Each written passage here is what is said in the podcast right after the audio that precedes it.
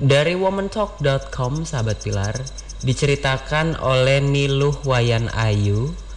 Uh, ini adalah kisah yang diangkat dari kisah nyata sahabat Pilar adalah sebuah legenda yang konon banyak terjadi di pesantren sahabat Pilar. Legenda itu adalah legenda kasur miring.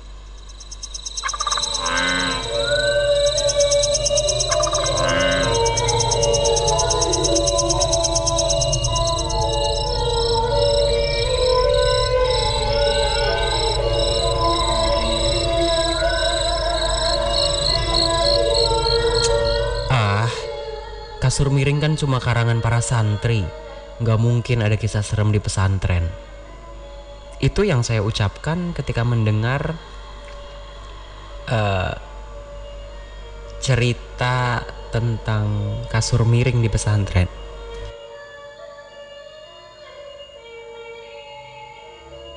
Waktu itu saya baru jadi salah satu santri baru di wilayah Tangerang belum pernah sekalipun mengalami kejadian horor yang pernah diceritakan oleh senior-seniornya.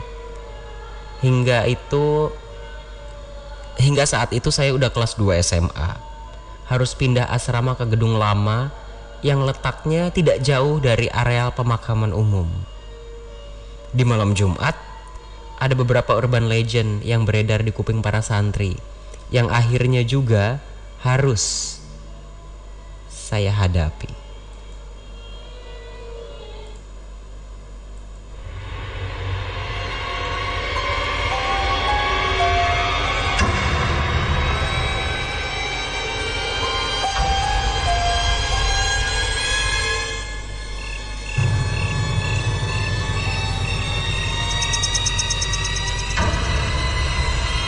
Seperti biasa hari itu hari Kamis adalah hari terakhir masuk di pesantren.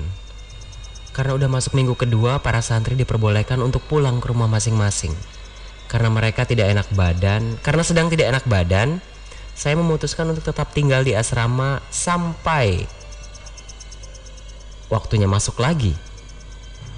Tidak hanya saya sendiri, ada beberapa santri lain yang juga tetap tinggal di asrama. Seperti biasa, setiap perpulangan masa-masa para santri mudik ke rumahnya masing-masing disebut perpulangan. Dan seperti biasa, setiap perpulangan para santri selalu diingatkan untuk jangan lupa memiringkan posisi kasur yang ditinggalkan. Jadi jangan biarkan kasurnya tetap tergeletak seperti biasa. Angkat kasurnya yang terbuat dari busa itu ya, miringkan di dinding.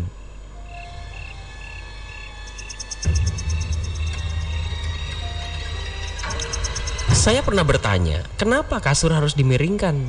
Katanya kalau kasur ditinggalkan tetap dengan posisi semula, nanti kasurnya akan dipakai untuk tidur sama penghuni makam belakang katanya. Itu adalah salah satu urban legend di pondok tersebut. Waktu itu pukul 12 malam saya terbangun dan gak bisa melanjutkan tidur karena di pojok ruangan, di sudut gelap, bayang-bayang antara dinding ruangan yang sudah gelap karena lampunya dipadamkan dan jendela dengan sedikit terobosan langit malam.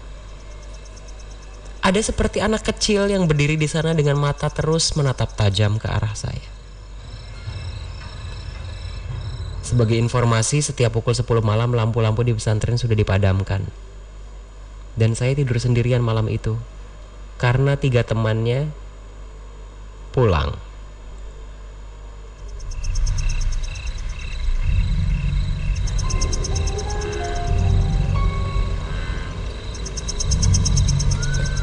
Antara masih merasakan demam dan mengantuk, saya berpikir positif. Mungkin anak kecil yang memandang saya adalah salah seorang teman di kamar lain yang bernama Iqbal. Karena memang si Iqbal itu badannya kecil dan dia emang gak pulang. Gak berapa lama sosok anak kecil itu menghilang. Seorang teman bernama Rahman masuk ke kamar saya minta air minum. Karena penasaran saya tanya, Man, si Iqbal pulang gak sih? Dan si Rahman jawab, iya dia pulang. Emang kenapa? Saya menyesal udah nanya. Enggak, enggak apa-apa katanya. Saya mulai merasa takut. Tapi ada kebutuhan yang harus segera ditunaikan. Buang air kecil. Dan ini PR baru. Makanya saya meminta si Rahman untuk nemenin ke WC yuk. Di asrama ini, WC pesantren itu bentuknya sama dengan pesantrennya. Lorong. Untuk menuju WC kita harus melewati lorong koridor ya. Yang di kiri kanannya ada kamar kamar kamar kamar kamar para senior. Saat melewati kamar-kamar senior sempat melirik kanan kiri kanan kiri kanan kiri. Semua kasur dimiringin. Semua kasur posisinya nyender di tembok kecuali salah satu kasur milik seorang senior bernama Fahri. Oh, Bang Fahri nggak pulang dalam hati gitu. Menurut saya ya. Dia sedang tertidur di balik selimut putihnya. Si Rahman beda lagi. Dia cemas. Ayo cepet kalau mau ke WC cepet cepet balik lagi cepet balik lagi ya.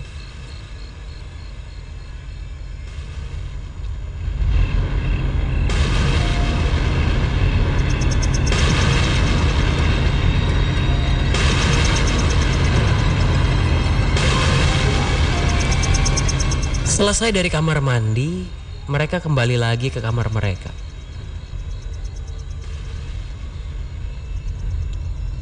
Kemudian saya lewatin lagi tuh kamarnya Bang Fahri. Dan saat lihat di kamar Bang Fahri, betapa kagetnya ketika ternyata posisi Bang Fahri sudah berpindah dia terbaring di kasur lain. Dia pakai jaket hoodie berwarna putih. Masih belum terlalu curiga, saya panggil bang, bang, bang Fahri.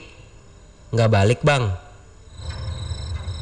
Sementara si Rahman, dia sangat cemas. Ayo cepetan, balik lagi ke kamar. Ayo cepetan, balik lagi ke kamar. Ayo cepetan, balik lagi ke kamar.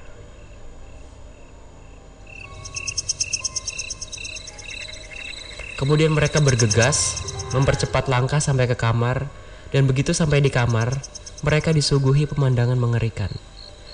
Kasur saya yang saat itu dengan kondisi seperti sedia kala, ternyata di atas kasur itu sudah terbaring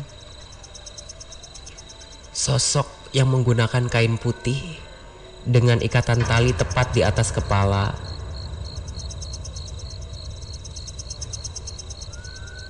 alias pocong.